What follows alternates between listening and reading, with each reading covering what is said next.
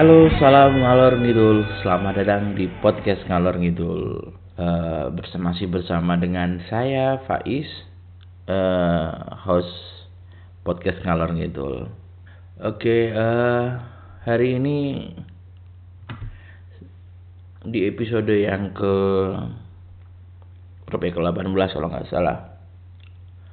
Saya pengen ngobrolin uh, tentang sekelompok orang yang menjadi sebuah band yang kemarin menjadi korban di uh, tsunami di Selat Sunda uh, yaitu Seventeen.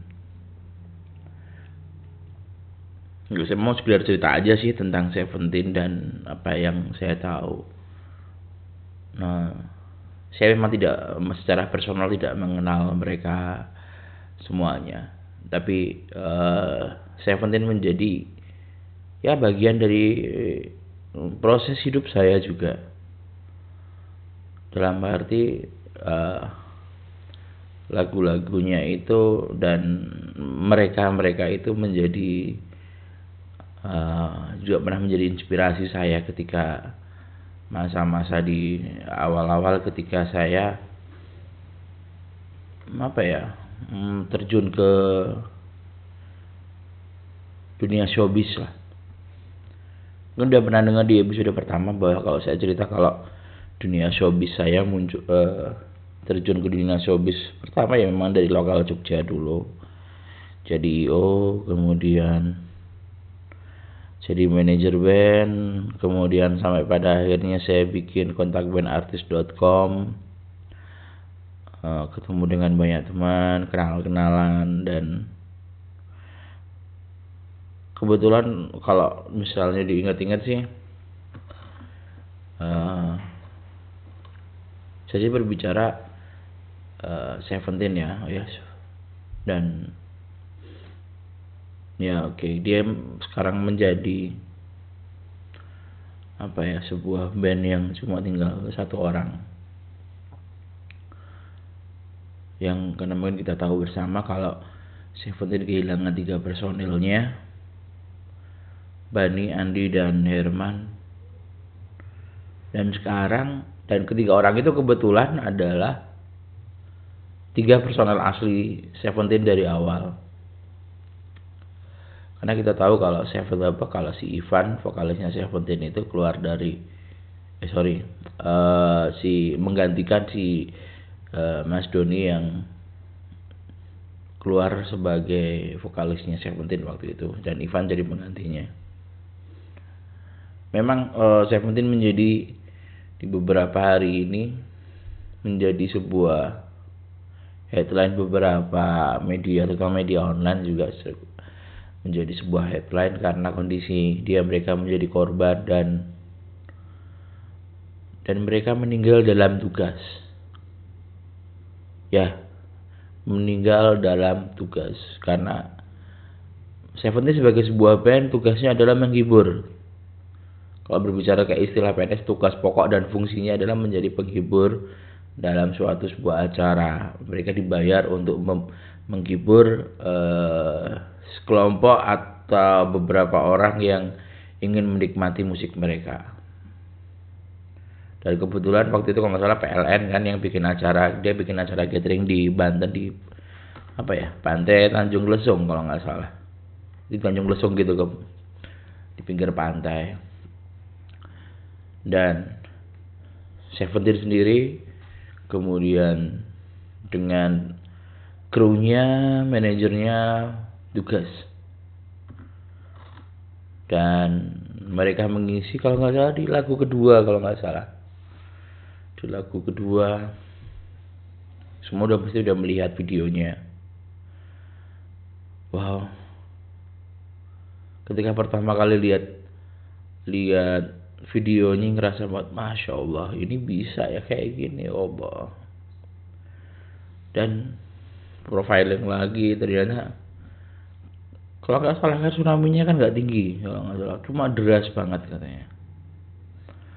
Allah Akbar. Cuma ya di antara mereka ternyata ya ya saya berbicara personil ya Seventeen dan manajemennya sih. Dua orang meninggal dari manajemennya kru dan manajernya kalau nggak salah. Dan Mas Herman terus Randi dan Bani. Dan ketika mereka meninggal ternyata baru muncul beberapa fakta yang saya temui yang saya tahu.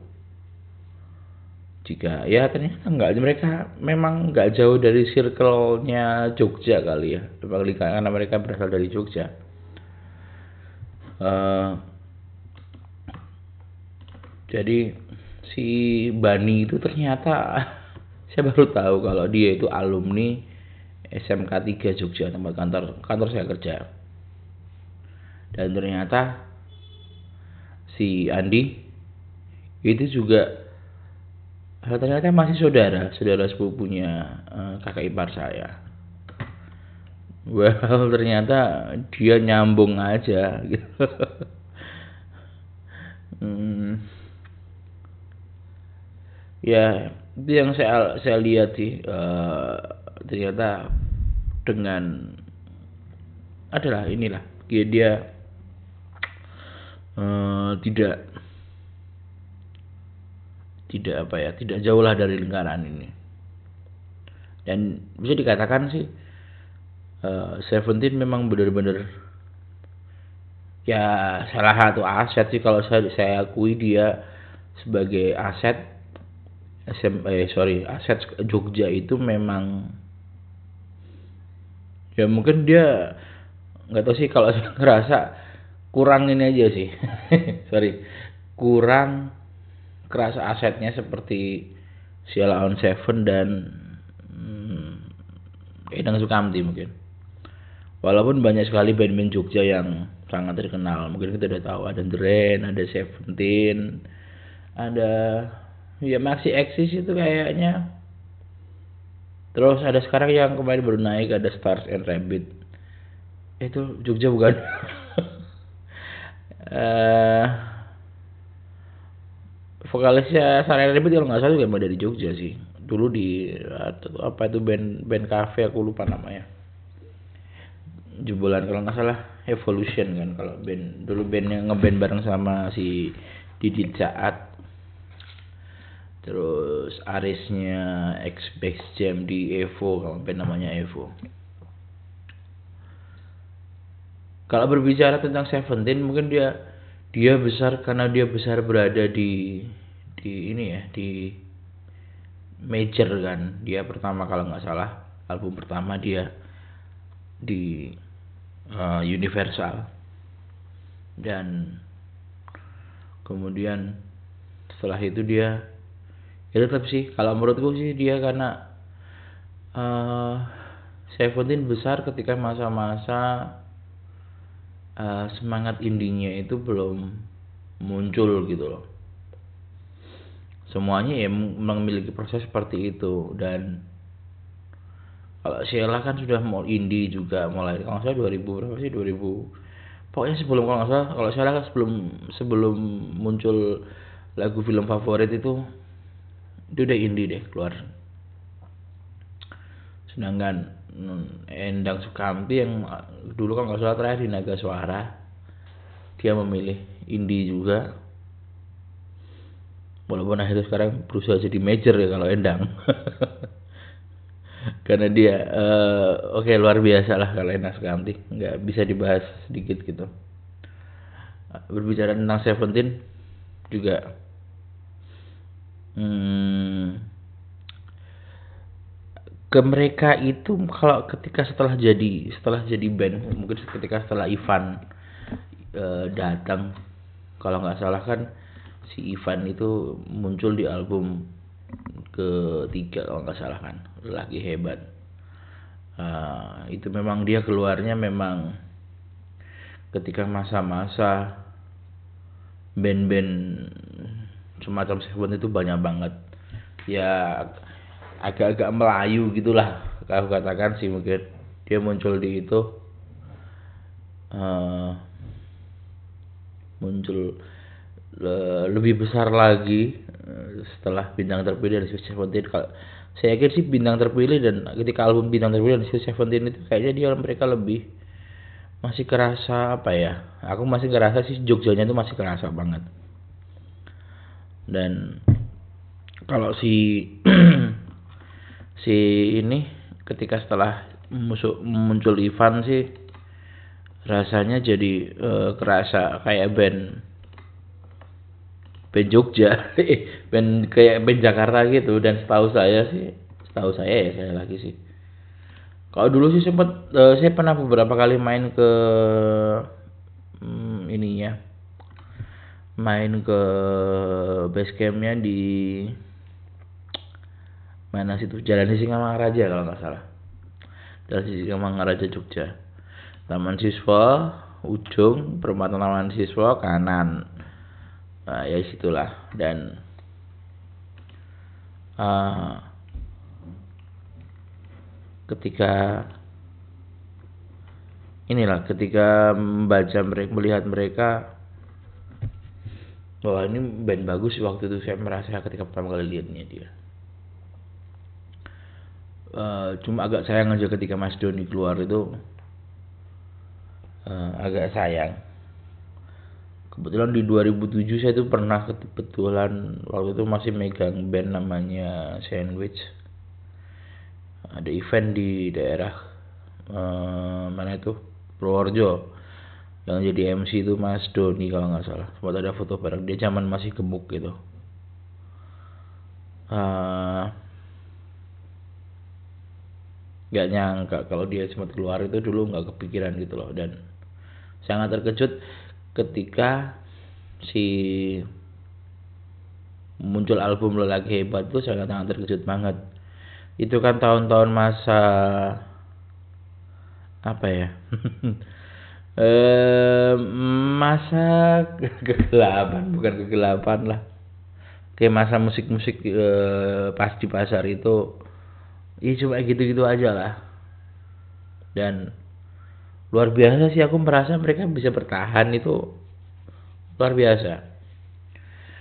Musiknya juga dia komit dengan musik yang seperti itu setelah lelaki hebat uh, sampai pada terakhir-terakhir ini memang di musik-musiknya dia cukup lebih tetap komit gitu loh. Berbeda banget dengan album pertama dan album kedua. Dan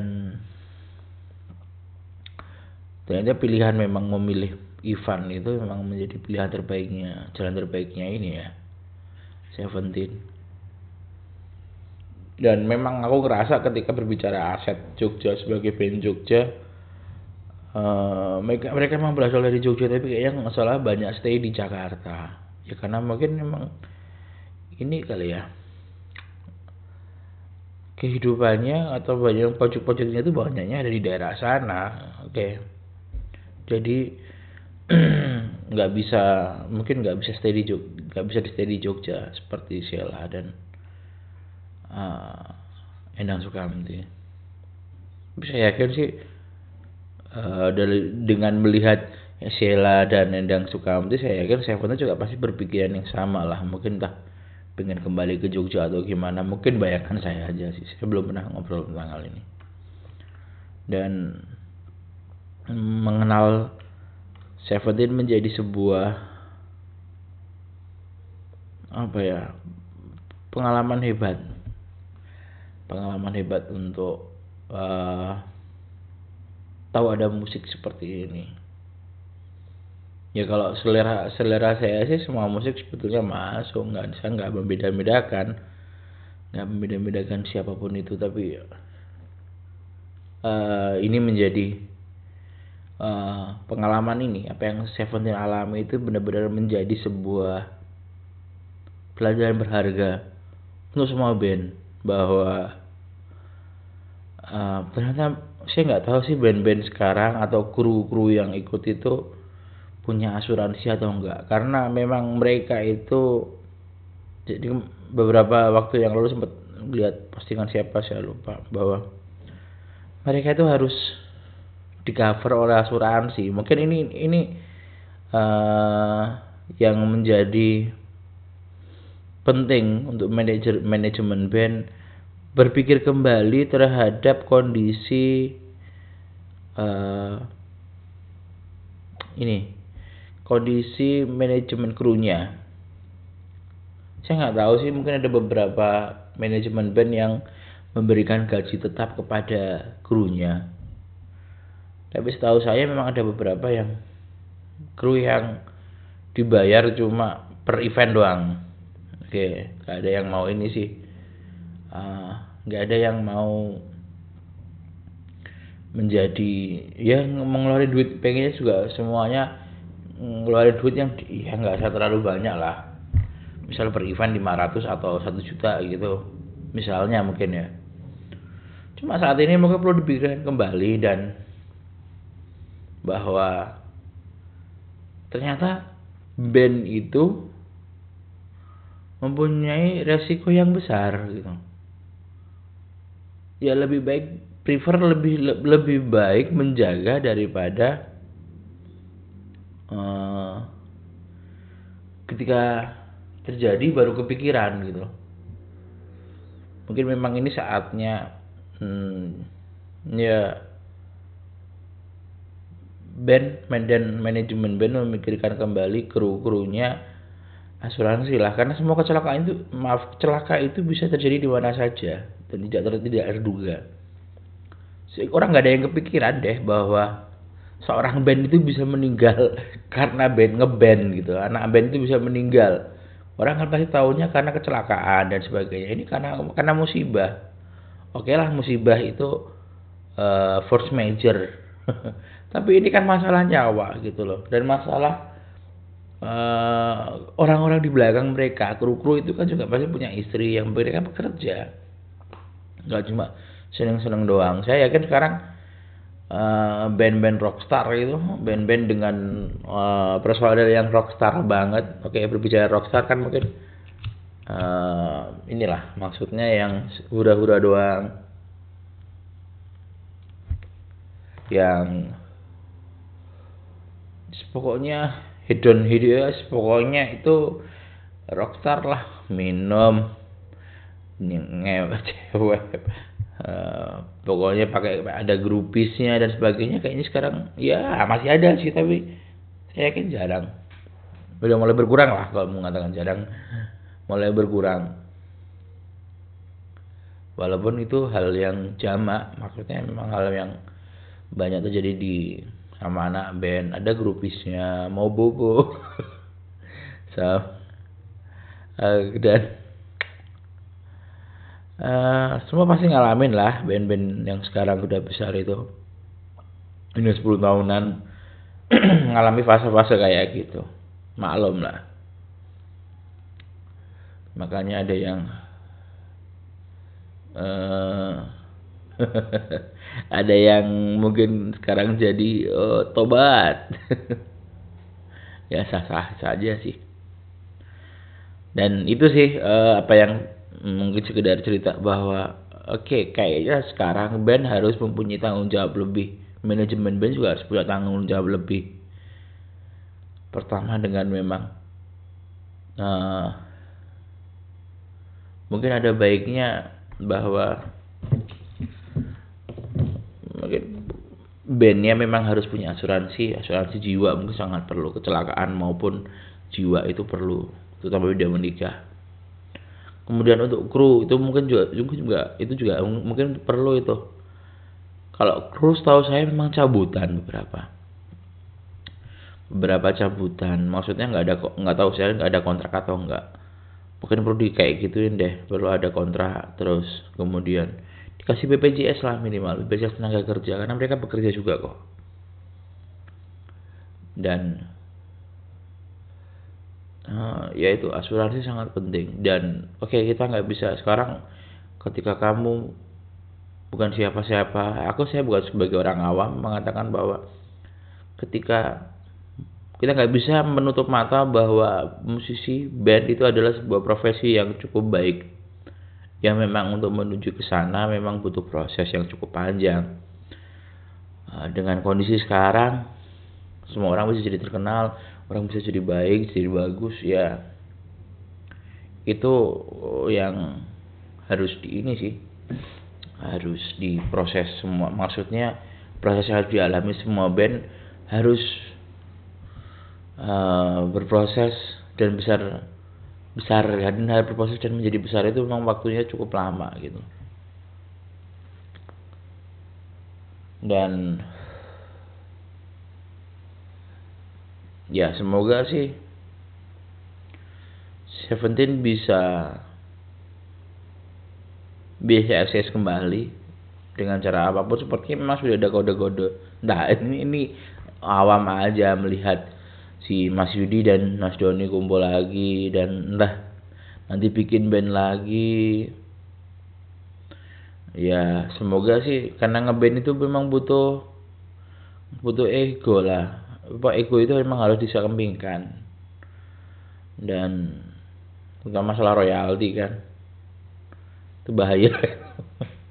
Pembagian duitnya yang nggak benar dan sebagainya. Uh, mungkin bisa itu vokalisnya tetap Ivan basisnya Mas Doni nah, gitarisnya Mas Yudi ya ya ini juga mau kosong aja sih tapi gak tahu sih kayaknya semoga tetap eksis lah. Terlalu berharga jika uh, Seventeen hilang. Tapi kalau Mas Doni ngebahasin ngebahasi si ini ngebahasi si Seventeen kasihan Cak Nun. Cak Nun bakal cari vokalis lagi. Oke lah ini sekedar obrolan ngalun ngidul saya tentang Seventeen ya semoga mereka bisa jadi indie aja lah. Nggak tahu dia masih di label nggak ya? Saya kurang tahu. Uh, dan dan apa ya? Me, me inilah. Uh, terutama untuk pekerja-pekerja seni. Yes mereka adalah pahlawan. Ketika seseorang bekerja untuk menghidupi keluarganya untuk menghidupi seseorang itu bagi saya tapi itu dia itu ada pahlawan dan mereka mati mati syahid. Secara Islam. Secara Islam mereka mati syahid. Mereka mati berjuang untuk untuk negara untuk lokal untuk keluarga terutama itu. Dan mungkin saya belum mengucapkan oh ya uh, terus berkah ya untuk teman-teman Seventeen dan korban krunya yang lain dan teman-teman semua korban tsunami sholat di sholat sudah ini. Uh, ini mungkin ini peristiwa terakhir ya peristiwa yang kurang enak di akhir tahun yang terjadi di dunia musik. Semoga mereka tetap tabah dan terima kasih sudah mengenalkan celoteh saya di podcast ngalor ngidul ini. Tetap ngalor ngidul ngobrolnya ke mana-mana dan terima kasih Salam ngalor ngidul.